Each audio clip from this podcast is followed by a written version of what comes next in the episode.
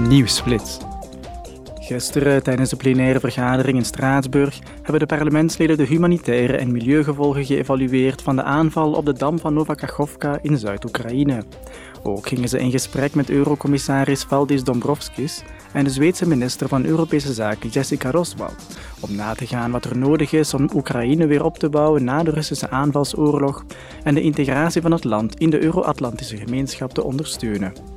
Tijdens het debat zei commissaris Dombrovskis Uh, it is clear that investment in Ukraine... We mogen niet het einde van de oorlog afwachten om in het herstel en de wederopbouw van Oekraïne te investeren. In veel regio's kunnen we nu al beginnen. Het herstel ondersteunen betekent dat we de economische activiteit moeten stimuleren, aan de kritieke behoeften van mensen moeten voldoen en de basisinfrastructuur moeten versterken.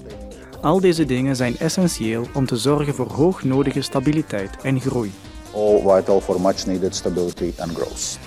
De Zweedse minister van Europese Zaken Jessica Roswal voegde eraan toe dat Europa zich blijft inzetten om de Russische oorlogsmachine via sancties te dwarsbomen.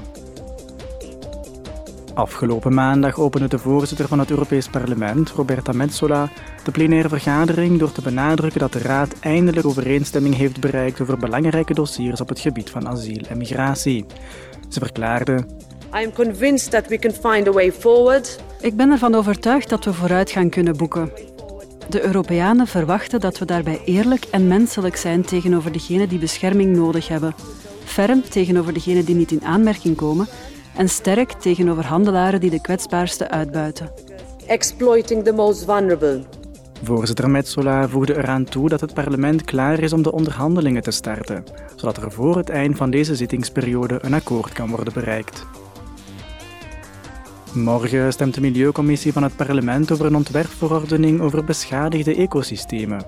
Het doel is om juridisch bindende streefcijfers voor de hele EU in te voeren, zodat deze ecosystemen uiterlijk in 2050 worden hersteld. De tekst heeft niet alleen betrekking op bossen, landbouwgrond en stedelijke gebieden, maar ook op rivieren en marine habitats.